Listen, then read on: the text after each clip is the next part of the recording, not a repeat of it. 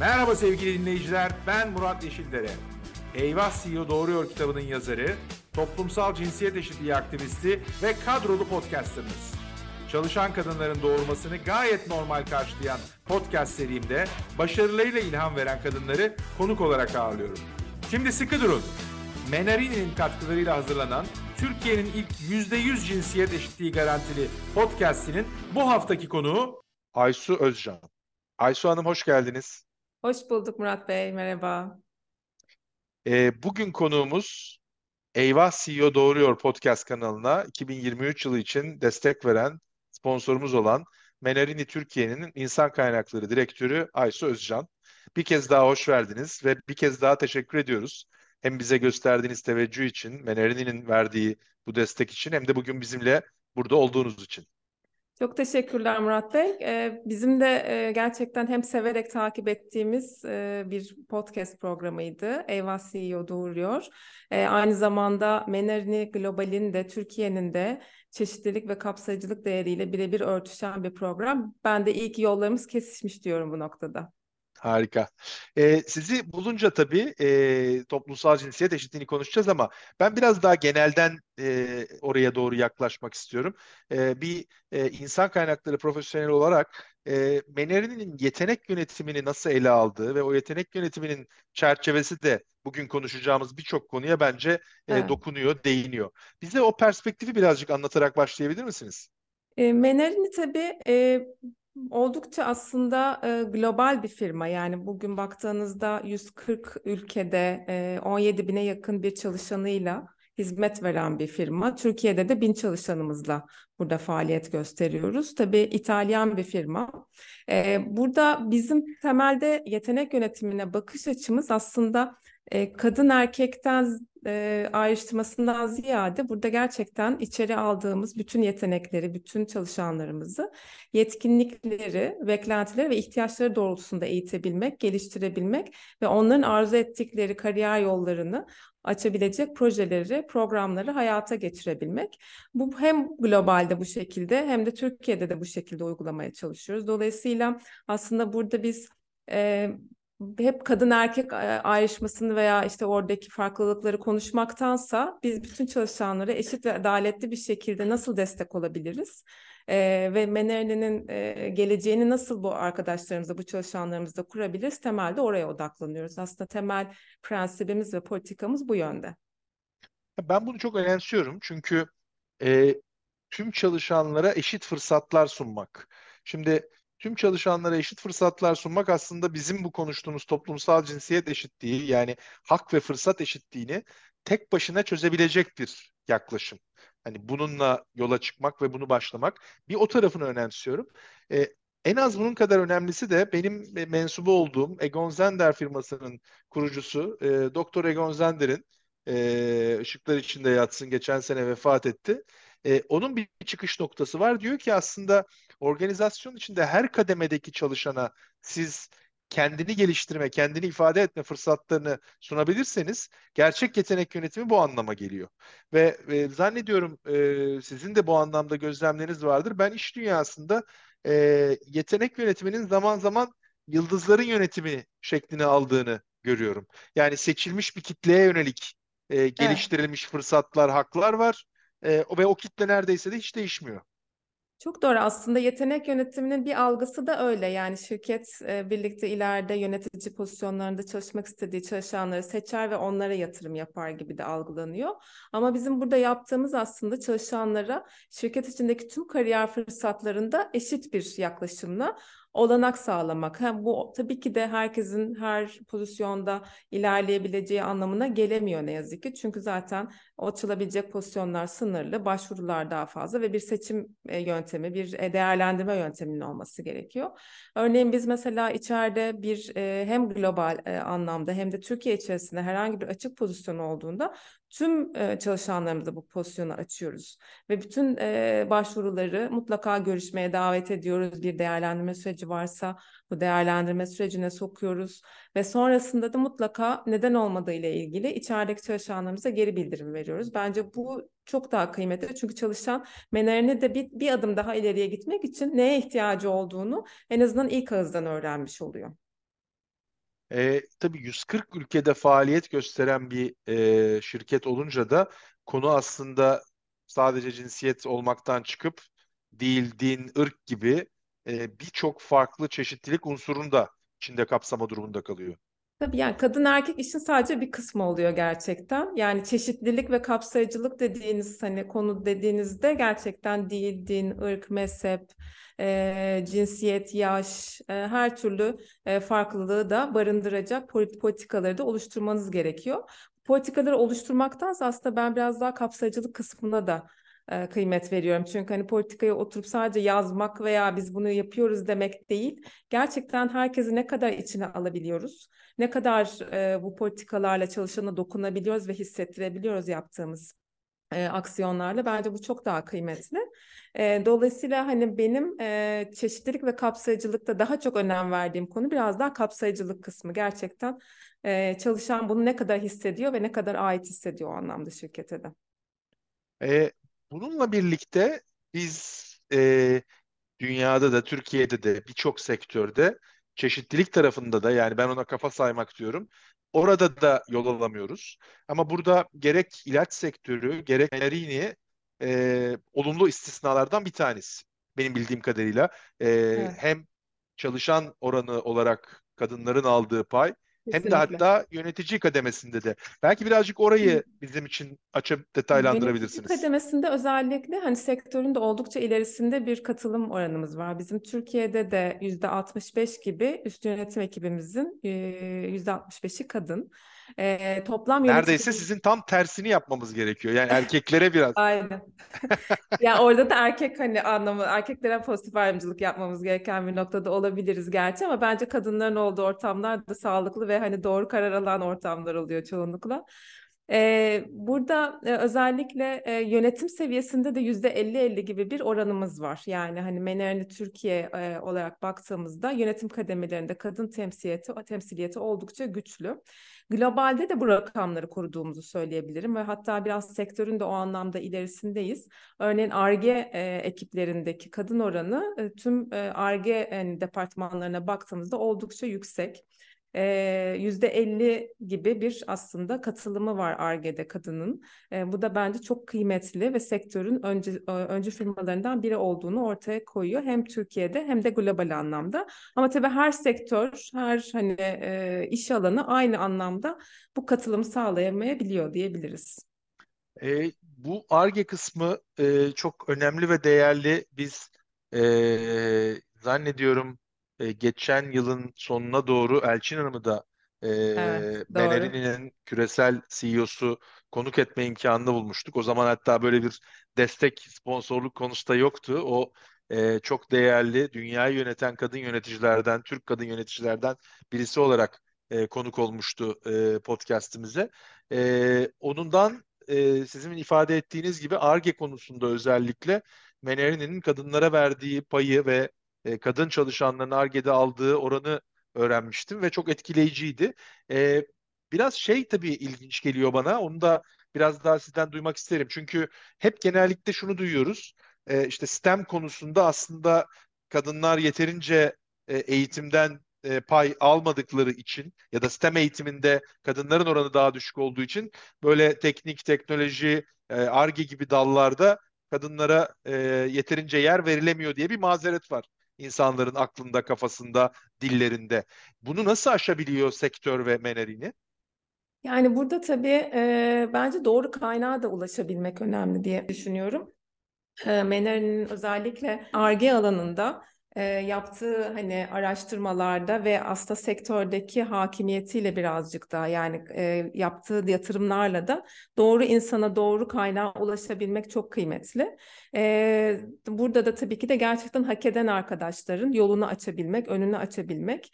E, orada da tekrar başa dönmek gerekirse yani biz burada kadını ön plana çıkarmak değil ama gerçekten bulduğumuz kaynakta gerçek yeteneklere yatırım yapabilmeyi e, sağlayarak aslında buradaki oranlarımızı farklılaştırabiliyoruz. Ama burada şunu da söylemek lazım. Yani bir oran hedefimiz, bir kota hedefimiz hiçbir zaman Mener'in içinde olmadı, olmuyor. Çünkü aslında bunun doğalından olması gerektiğini düşünüyoruz. Bizim amacımız özellikle hani bu fırsat eşitliğini sağlayarak içeriye doğru kaynağı, doğru e, çalışanı, doğru yeteneği e, dahil edebilmek. E, ve ondan sonra tabii ki de başarı ve yetkinlik doğrultusunda da yani gerçekten e, gelişimi doğru noktada ilerleyen arkadaşların da önünü aç, açmak ve hani oradaki fırsatlardan faydalanmalarını sağlamak olarak söyleyebilirim aslında. E, Hanım siz e, perakende sektöründe de e, uzun Evet. tecrübelerle e, Mannerini'ye geldiniz. E, perakende ile ilacı karşılaştırdığınızda neler gözlemliyorsunuz? Bu kadının hem çalışan sayısı hem de yönetimdeki aldığı e, pay açısından bakıldığında. Yani perakendede de şöyle bir durum var. Aslında ben perakendede çok uzun yıllar çalıştım dediğiniz gibi ama tek ya yani perakendeyi de tek bir e, alan olarak bölümleyebileceğimi söyleyemem. Yani hem gıda perakendesinin dinamiği farklı, tekstil perakendesinin dinamiği farklı, teknoloji perakendesinin dinamiği farklı. E-ticaret dediğiniz hani e, konunun dinamiği tamamen bambaşka. Bu noktada da evet bazı örneğin tekstil perakendesinde kadın çok yoğun yüzde yetmiş, yüzde altmış beş oranları bazılarında hatta yüzde seksen oranları bile görebilirsiniz. E, ama üst pozisyonlara çıkarken orada birazcık bariyerlerimiz oluyor. Neler bunlar işte? seyahat olabilir, işte çok yoğun tempoya çalış, e, uygun çalışıyor olmak olmamak olabilir. Dolayısıyla hep bunlar e, perakendede de sorgulanan alanlardan bir tanesiydi. Örneğin teknoloji perakendesindeki deneyimimden bahsedecek olursam da orası da çok erkek hani yoğun bir ortamda diyebilirim. Ve orada da çok ciddi özel projelerle kadın istihdamını destekleyeceğimiz konulara odaklanmıştık. Burada tabii konu aslında iş alanının biraz daha cinsiyete özel hani e, farklılaşması e, durumu da söz konusu. Yani tekstil dediğinizde belki biraz daha gıda dediğinizde oradaki çalışanların biraz daha kadın ağırlıklı olabilmesi daha kabul görebiliyor belki de. Ama biraz daha teknoloji dediğinizde biraz önce bahsettiğiniz hani ARGE'de yaşanan şey aslında teknolojinin satışında da çok benzer e, şeyleri gösteriyor. Ama bunları birazcık daha farkındalık yaratarak kırmak mümkün olabiliyor. Çünkü çok yoğun eğitim programlarıyla, çok yoğun teknik bilgilerle bu konuda insanları e, sektöre kazandırmak ve onların aslında e, perakende çünkü çok büyüyen bir sektör yani sürekli mağaza açılışları farklı iş alanları iş kollarının olduğu bir sektör ve dolayısıyla çalışanların kariyer e, hedeflerine çok daha e, diğer sektörlere nazaran hızla ulaşabilecekleri e, de bir alan. Dolayısıyla buradaki yatırımlar çok daha önem kazanıyor o anlamda. Kadının eğitimine ve geliştirilmesine yönelik yapılacak yatırımlar. Aslında tam e, bu noktada da sizin dediğiniz gibi e, biraz evvelki o e, teknik konularda e, yeterli sayıda eğitimli, yetkin kadın olmadığı ön yargısı e, engel oluyor, ket vuruyor e, bu sayıların e, artmasına. E, bunun da arkasında bilinçsiz ön yargılar var. E, Kesinlikle. biraz bu bilinçsiz ön yargıları da e, sizinle konuşmak istiyorum. Çünkü e, aslında e, bir insan kaynakları profesyonel olarak e, o e, alanın içindeki e, yapmış olduğunuz hem kendi kararlarınızda hem de organizasyon içindeki e, farklı liderlerin insanlarla ilgili kararlarında olabildiğince bu bilinçsiz ön yargıları ortadan kaldırmak, kaldıramıyorsanız sorgulamak e, durumundasınız. E, görevlerinizden bir tanesi o diye düşünüyorum. Nasıl beceriyorsunuz, nasıl başarıyorsunuz bunu ve e, bizi dinleyenlere e, tavsiye edeceğiniz böyle e, değerli, sihirli formüller var mıdır? Ya burada biraz sebat etmek gerekiyor, direnmek gerekiyor. Özellikle birim yöneticilerine karşı yani birlikte işe alım yaptığımız, birlikte işte terfi kararlarına e, birlikte karar verdiğimiz arkadaşlarla beraber yaptığımız iletişimlerde gerçekten biraz insan kaynakları olarak oradaki prensipleri, politikaları doğru belirleyip e, ve oradaki hani gerçekten e, alınan karar adaletli mi alınıyor yoksa e, orada bir ön yargısal bir durum mu var? Ona birazcık daha eğilmek, odaklanmak gerektiğini düşünüyorum. Bundan bir 10-12 sene önce herhalde e, ne kadar kadın ağırlıklı bir yoğun şirkette çalışsam da hani iş görüşmelerinde e, çok böyle gerçekten e, ayrıştırıcı hani soru setlerimiz vardı ve onları engelleyebilmek için biz özel eğitim programları tasarlardık. Hala insan kaynakları olarak bu konularda özellikle birim yöneticilerimizi eğitecek e, ve hani onlara bu yönde e, bilgi verecek veya farkındalık sağlayacak yönlendirmeler yapıyoruz.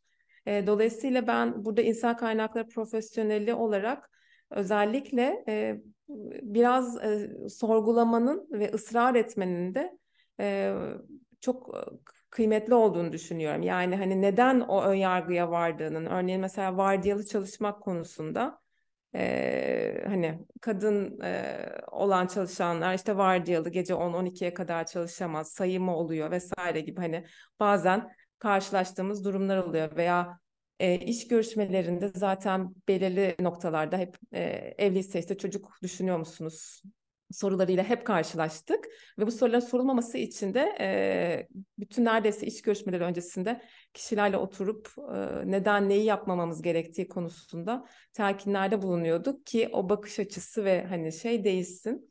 Bazı yerlerde pozitif ayrımcılık yaptığımız yerler de oluyordu. E, biraz daha aslında söylediğimiz şeyin arkasında durup gerçekten o kişinin başarısını da kanıtlayabilmek için. Çünkü ben şimdiye kadar hani bu tarz aldığımız bir kararda hani çok da yanlış olduğunu düşünmedim. Hep arkasında durduğumuz arkadaşlarımız günün sonunda oldukça da başarılı sonuçlar elde ederek daha iyi de pozisyonlara geldiler. Dolayısıyla aslında o örnekleri çoğaltarak da kişilerin bu ön yargılarının önüne birazcık geçebile, geçebileceğimizi de düşünüyorum. Yani hani yaşadığımız e, vakalarda, yaşadığımız örneklerde geçmiş deneyimlerimizi daha gerçekten gerçekçi bir şekilde paylaştığımızda ve samimi bir şekilde paylaştığımızda kişilerin bu ön yargılarını yavaş yavaş kırılacağına inanıyorum ama biraz gerçekten sebatkar olmak gerekiyor ve ısrarlı olmak, ısrarcı olmak gerektiğini düşünüyorum. Peki bir an e, masayı ters çevirip e, sizin insan kaynakları liderliği olarak değil ama bir profesyonel olarak e, bu dediğiniz gibi yolculukta farklı kademelerde sebat ederek bugüne kadar geldiniz. Siz bu tip e, bilinçsiz ya da bilinçli ön yargılarla, o meşhur camdan duvarlarla, camdan tavanlarla karşılaştınız mı? Ya ben herhalde biraz kendimi o anlamda şanslı hissediyorum. E, çünkü karşılaşmadığımı e, düşünüyorum. E, çok hani e, nasıl diyeyim e, dönüp baktığımda e, gerçekten e, bu anlamda hep hani fırsat yaratan e, ya da hani e, arkası arkamda duran bir yönetim ekibiyle çalışma fırsatı yakaladım. E, ama hani benim e, birlikte çalıştığım arkadaşlarıma karşı tabii ki de hani gördüğüm e, özellikle e, nasıl diyeyim belki hani işte gerçekten işte çok seyahati varsa seyahat edebilir mi? Çocukla iş dengesini sağlayabilir mi? Bu pozisyonun acaba bu yoğunun altından kalkabilir mi? Gibi o terfi kararlarında, terfi süreçlerinde sorgulamalar yaşayan ekiplerin içerisinde de oldum. Ee, hani kendim bizzat yaşamadım, e, yaşamadığımı düşünüyorum.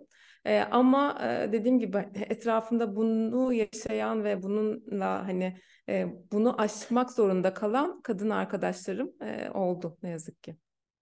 E, tabii bizi dinleyenler görmüyorlar. Ben böyle müstesni bir gülümsemeyle evet, e, dinliyorum evet. Aysu Hanım'ı böyle derken. Çünkü genellikle e, sizin gibi e, güçlü e, konumlarda olan kadınlarla konuştuğumda çoğu ya ben herhalde çok şanslıydım ya da ben böyle bir şey yaşamadım bugüne kadar ama evet bu var karşılaştığını görüyorum e, diyorlar. Fakat sonra sorular derinleştikçe e, daha farklı Olabilir. yerlerde çıkıyor ama siz gene temkinli davrandınız. Yaşamadığımı düşünüyorum herhalde yaşamamışımdır e, diye davrandınız. Bazı e, kadın yöneticiler, kadın liderler çok emin olarak Hani ben çok şanslıydım. Benim hiç önüme çıkmadı böyle bir şey e, diye dile getiriyorlar. Bazen de aslında e, bu e, podcast'te e, konuk ettiğim e, Neslihan Lak e, güzel bir tespiti var. E, diyor ki hani zorlukları sizin nasıl kucakladığınızla bağlantılı. Hani bazı insanlar o zorlukları duvar olarak görüyorlar ve arkasında takılıyorlar. Bazıları bir şekilde göğsünde yumuşatıp sonra tekrar oyuna devam ediyorlar ve e, çok farklı yol alıyorlar. Siz o daha değişik kucaklayan tarafta demek ki e, kalmışsınız ki e, o bahsettiğim zorluklar sizin önünüze çok fazla engel olarak çıkmamış. Muhtemelen E, yani bu işin mutlu. doğası budur deyip e, geçmiş de olabiliriz tabii yani ben de aynı şeyi e, hani çok katılıyorum çok da güzel bir hani tespit olduğunu düşündüm siz iletince. E, bazen de gerçekten hani zaten bu iş böyle yapılıyordur deyip hani kabul edip ve hani next ne var dediğimiz konularda oldu ne yazık ki. E, o yüzden diyorum yani şey tırnak içerisinde yaşamadığımı düşünüyorum. E, biraz evvel satır arasında konuşurken e, zaman zaman e, Menerini olarak pozitif ayrımcılık da yapmaya çalışıyoruz, yapmak durumunda kalıyoruz dediniz. E, tabii insan kaynakları demin de konuştuğumuz gibi o yetenek yönetiminin içinde e, adil olması, hakkaniyetli olması, e, verilen kararların çok çok önemli. Doğru liderlerin doğru koltuklarda e, olması da son derece önemli. E, bununla birlikte de tabii önümüzde e, zor bir denklem var ve bu denklemi de e, zaman zaman olağan dışı çözümlerle çözme ihtiyacı var. Ne düşünüyorsunuz bu e, pozitif ayrımcılık? Hatta ben bu podcast'te sık sık ayrımcılık yapmalıyız diye savunuyorum ama e, önce pozitif ayrımcılıktan başlayayım. Nasıl hissettiriyor size? Yani ben e, yani belli bir noktaya gelene kadar pozitif ayrımcılığın gerekli olduğunu düşünüyorum kişisel olarak. Çünkü hani bütün bu konuştuğumuz konular çerçevesinde yeterli farkındalığın oluşması, kadın erkek hani çalışma hayatında fırsat eşitliğinin aynı noktalara, aynı seviyelere gelebilmesi ve bu bakış açısının her yerde oluşturulabilmesi için belli aşamalarda ben bir pozitif ayrımcılık yapılabileceği görüşündeyim. Ama tabii ki de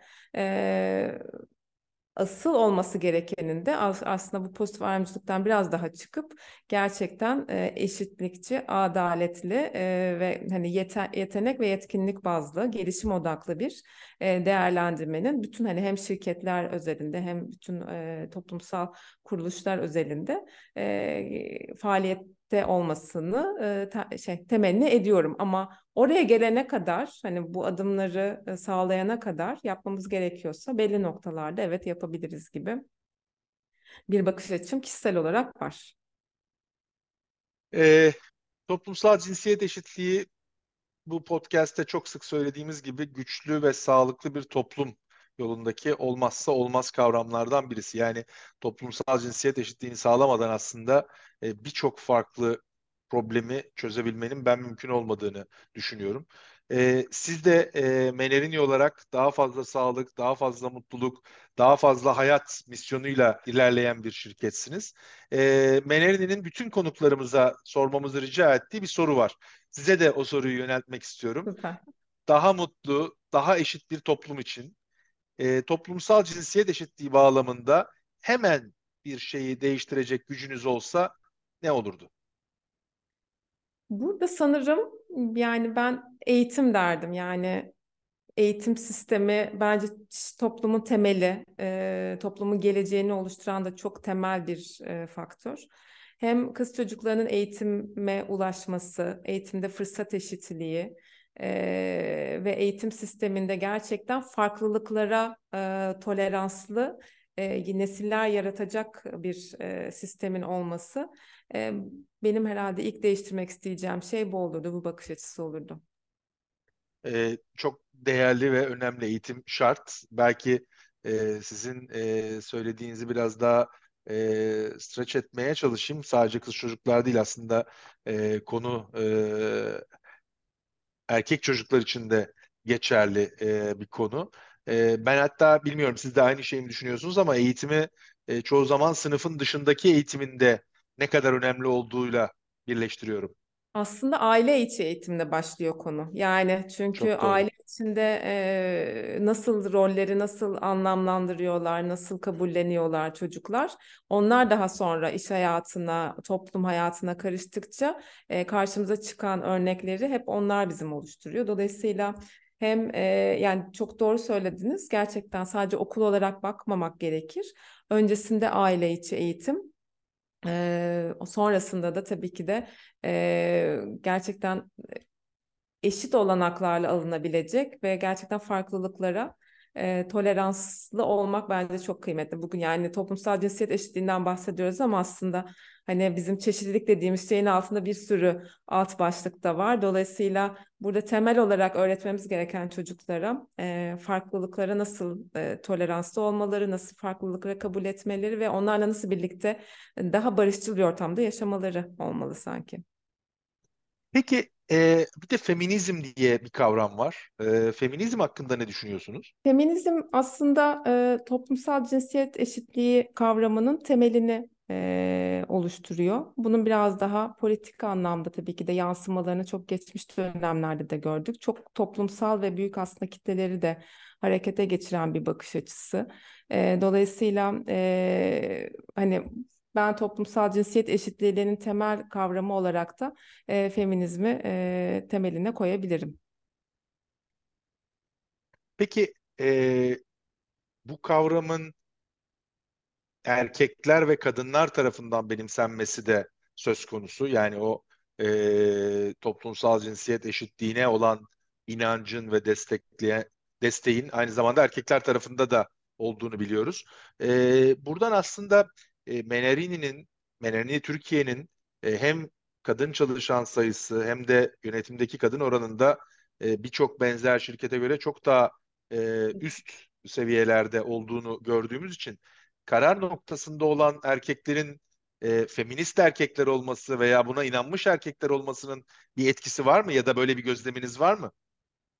Yani e, burada gerçekten çok yani feministtirler diyebileceğim bir gözlemim belki yok ama gerçekten yani e, şeyin farkında olarak çalışıyorlar. Gerçekten e, başarılı, yetkinlikleri gelişmiş, e, sonuç odaklı, hani bağlılığı yüksek çalışanlar kadın veya erkek hiç fark etmez. Yani kıymet olan aslında insan odaklılık oluyor burada. Dolayısıyla belki de feminizmin de zaten temel hani şeylerinden bir tanesi, kavramlarından bir tanesi. Hani tüm insan hani insanları eşit görebileceğimiz yani kadınla erkek arasındaki o farkı ortadan kaldırabilecek bir bakış açısı olduğu için hani feminist olarak sınıflandırır mısınız? Yani çok bunu konuştuğumuz veya bunu hissettiğimiz bir ortamda çalıştığımızı söyleyemem ama e, gerçekten hani bu kadar yüksek bir e, kadın e, istihdam oranı özellikle yönetim kademelerinde olmasını tamamen ben insan odaklı gerçekten yetkinlik odaklı bak bakış açısı olduğunu düşünüyorum açıkçası. Aslında bu belki daha da değerli o bahsettiğiniz bakış açısı. Ee, bir de tabii e, zannediyorum karar verici koltuklarda olanların kadın ya da erkek performans odaklı düşünmeleri ve e, daha yetkin bir e, yetenek gücünden faydalanmak için de hem en iyi kadınları hem en iyi erkekleri eş zamanlı olarak çekmeye ve tutmaya çalıştıklarını da söyleyebiliriz zannediyorum. Aynen yani burada performansı e, gerçekten e, hani aslında konunun odağına aldığınız zaman e, dönüp hani bu işi bir kadın mı yapmış, bu işi bir erkek mi yapmış e, bakış açısından e, çıkarak davranmak zorunda kalıyorsunuz. Çünkü artık gerçekten şirketin iyiliği için, faydası için koymuş olduğunuz performans hedeflerine en doğru, e, en olması gerektiği gibi hani hem süreç hem sonuç olarak nasıl yönetildiği çok daha kıymetli bir alana taşınıyor. Dolayısıyla burada kadın yapmış veya erkek yapmış değil gerçekten oradaki kişinin doğru profilde olması ve doğru davranış modelinde olması çok daha kıymetli oluyor. Peki e, bir de size aslında birazcık da mesleki tarafa da doğru giden e, bir konuyu sormak, danışmak istiyorum. E, bu toplumsal cinsiyet eşitliği konusunda e, gerek Türkiye'deki KVKK gerekse de e, dünyanın değişik coğrafyalarındaki benzer e, mevzuat değişikleri birlikte artık e, sadece cinsiyet değil, yaş da, geçmişte birçok veriyi e, ne paylaşmak ne e, dokümanlarda tutmak e, imkanı ortadan e, ortada kalmamaya başladı. E, hatta e, bazı coğrafyalarda e, cinsiyetsiz, fotoğrafsız, yaşsız TV'ler şart haline gelmeye başladı. Türkiye'de henüz orada değiliz. Hatta Türkiye'de birçok sizin de önünüze gelen TV'de fotoğraflar var, e, cinsiyet var. Olmasa da isimden e, andırıyoruz kadın mı erkek mi olduğunu. E, bu konularda başta da çünkü siz birazcık o e, karar vericilere zaman zaman bu konuda e, yönlendirme ya da onların farkındalığını arttırma konusunda çaba gösterdiğinizi söylediğiniz için bu konularda ne düşünüyorsunuz? Dünyanın bu yola doğru gitmesinde. Yani bu artık zaten hani bir trend demeyeceğim ama hani toplumsal cinsiyet eşitliğini konuştuğumuz noktada belli bir seviyede hani bütün e, süreçlerin, iş yapış şekillerinin bir şekilde evrileceği nokta olduğunu düşünüyorum. E, biz de aslında işe alım politikalarımıza baktığımızda e, bunu özellikle dikkat etmeye çalışıyoruz. Yani hani e, bizden işte bu proje için, bu rol için e, erkek aday istiyorum e, gibi talepler geldiğinde e, biz özellikle kadın aday göndermeye çalışıyoruz. Çünkü e, ne kadar fazla aslında o pozisyonu yapabilecek kadın adayın varlığını ve hani e, onlarla da görüşme imkanını sunarsak buradaki ön yargıları daha rahat kırabileceğimizi düşünüyoruz. E, biz henüz o noktada değiliz tabii ki de. Ee, yani yurt dışında dediğiniz gibi bu alanda işte hani bazen isimsiz e, CV'ler hatta yani bizde hala evli bekar ayrımı bile CV'lerde e, yazılıyor. O yüzden hani o, o bir e, Türkiye'de hala bir gelenek gibi diyeyim. Buralardaki değişim biraz daha yavaş olacaktır. Ama bizim özellikle e, vurguladığımız şey gerçekten pozisyona uygun deneyimi var mı? E, bu konudaki projeleri, hangi projeleri yürütmüş. Yani gerçekten role uygun deneyimdeki adayları e, ve yetkinlikteki adayları çekebileceğimiz e, analizleri yaparak e, aslında iş birimiyle konuyu paylaşmaya çalışıyoruz ki e, baştaki o e, kadın erkek ayrımı hani e, şeyinden çıkartabilelim biraz daha. Çok doğru. Ee, dünya sanki o tarafa doğru gidiyor. Yani trend dediğiniz gibi trend midir bahsetmek mümkün değil ama e, birazcık ihtiyaçlar da. Keşke yani bunu farkındalıkla e, çözebilsek ve o e, cinsiyet lensini ya da gözlüğünü çıkartarak e, hayatı sürdürebilsek ama e, bazen o bilinçsiz önyargılar o kadar derinde ki e, maalesef e, bunu sağlamak mümkün olmuyor. E, bugünkü sohbetin yavaş yavaş sonuna doğru geliyoruz. E, bu podcast'ı dinleyenler biliyorlar. Benim e, bu toplumsal cinsiyet eşitsizliğine bir erkek meselesi olarak e, bakışım var. Dolayısıyla da bizim erkekleri değiştirmemiz, erkeklerin farkındalığını arttırmamız e, gerekiyor. Bununla birlikte zaman zaman kadınların da iş hayatında, eğitimde veya bulundukları hayatın değişik alanlarında e, karşılaştıkları, farklı yapabilecekleri şeyler olduğunu da e, konuşuyoruz. Sizin gene bir insan kaynakları profesyonel olarak e, böyle bir gözleminiz var mıdır? Yani e, tavsiye edeceğiniz, farklı yapılabileceğine inandığınız, biraz evvel hani toplumsal olarak eğitimden bahsettiniz ama daha bunu e, dar bir noktaya indirgersek, e, öyle sorsam soruyu, farklı bir görüşünüz var mı? Hem kadınlar için hem erkekler için aslında soruyorum bunu. Yani e, şimdi ne kadar aslında e, kadın veya erkek hani herkes ya ben aslında tabii ki de toplumsal cinsiyet eşitliğine inanıyorum dese de e, çok dediğiniz doğru o bilinçsiz ön yargılar herkesin e, zihninin bir köşesinde var. E, bu noktada e, ben bir kere bu işin bir erkek meselesi olduğuna kesinlikle katılıyorum. Çünkü oradaki davranış değişikliği çok temel bir değişiklik. Yani bugün toplumun e, sadece iş hayatındaki e, değişikliği sağlamayacak. Toplumsal anlamda da işte şiddetten farklı alanlara kadar gerçekten çok başka bir ya da kadının iş hayatında katılımının artması veya farklı alanlarda kadını daha sık görebileceğimizi bir aslında nasıl diyebiliriz belki de temel önündeki engellerden bir tanesi erkeklerin bu konuya biraz daha sahiplenmesi ama gerçekten sahiplenmesi. Burada kadınlar da bu eskiden daha fazlaydı diye düşünüyorum. Çünkü son yıllarda biz toplumsal cinsiyet eşitliğini çokça mecrada konuşmaya başladık. E, işte sizler aracılığıyla ama işte TV kanalları, e, sosyal medya yayınları bunlar artık gündemimizde. E, daha önce de kadınlar da kadınlarla ilgili e, aslında bazen e, ön yargılar ortaya koyup birlikte çalışmaya engel olabilecek davranışlarda da bulunuyorlardı. E, burada bence kadınların da kadınlara biraz daha destek olması gerektiğini düşünüyorum çok temelde. E, yani bu bir erkek meselesi belki de toplumsal cinsiyet eşitliği ama e, kadınlar da kadınların önünü açacak gerçekten e, adımları atmalılar. En azından iş hayatındaki kadınlar e, farklı e, belki de deneyimlerini farklı insanlarla paylaşarak farklı e, farklı kariyer basamaklarında önce olarak e, referans olarak her şeyden önce e, gerçekten bunları e, destekleyecek platformları kadınların da diğer kadınları deste destekleyecek platformları yaratması gerektiğini düşünüyorum temelde. Bunun bir farkındalık konusu olduğunu mu düşünüyorsunuz yoksa işte o meşhur kraliçe arı sendromu denilen bir sendrom da var. Yani bilinçli yapılan ve da verilmiş kararlar mı yoksa farkındalık olmadığı için hani ben yaşadım e, herkes de bunu yapabilir aslında diye mi düşünüyorlar? Ben farkındalık olduğuna inanmak istiyorum diyeyim yani.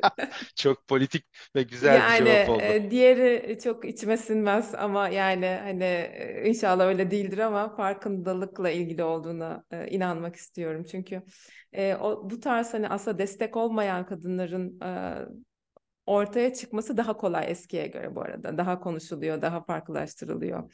Yani bundan bir 10 yıl önce konuştuğumuz iş hayatıyla bugün konuştuğumuz iş hayatı dinamikleri birbirinden farklı. Dolayısıyla orada yaşadığımız her türlü gelişme, e, farkındalığa dair atılan adım aslında e, buradaki e, dinamikleri ve davranış modellerini değiştirdiğini düşünüyorum. Ee, buradan ona da bir rahmet dileyelim e, Madeleine Albright'ın Amerika Dışişleri Bakanı eski e, sevdiğim bir sözü var. Diyor ki cehennemde birbirine yardım etmeyen kadınlar için ayrı bir bölüm var. E, dolayısıyla e, ama e, zaman da tutuyor aslında. Hani diyorsunuz ya bir 10 sene önce daha farklıydı şimdi daha değişti bu diye. E, zannediyorum o farkındalık arttıkça e, o kız kardeşlik kavramının e, pekişmesinin getirdiği keyif, faydayı gördükçe kadınlar e, bu anlamda çok daha farklı refleksler gösteriyorlar. Çok doğru çünkü aslında bu dayanışma toplumun farklı konularında ve farklı süreçlerinde aslında işliyor ve sonuç getiriyor. Yani neden iş hayatında da daha farklı sonuçlar getirmesin? E, bence hani bunu göz önünde tutmak, görünür kılmak çok daha kıymetli. Ayşe Özcan çok çok teşekkürler. Bugün bize vakit ayırdığınız için. Ben çok için. teşekkür ediyorum. Ee, sizin nezdinizde Menerini Türkiye'ye de tekrar teşekkür ediyorum. Eyvah CEO Doğruyor podcast kanalımıza 2023 için destek verdiği için. Biz de çok mutlulukla bu projede sizinle birlikte yer almaktan dolayı çok mutluluk duyuyoruz. Çok teşekkürler Murat Bey. Eyvah CEO Doğruyor da bu hafta konuğumuz Aysu Özcan oldu. Önümüzdeki hafta farklı bir kadın liderle tekrar karşınızda olmak dileğiyle.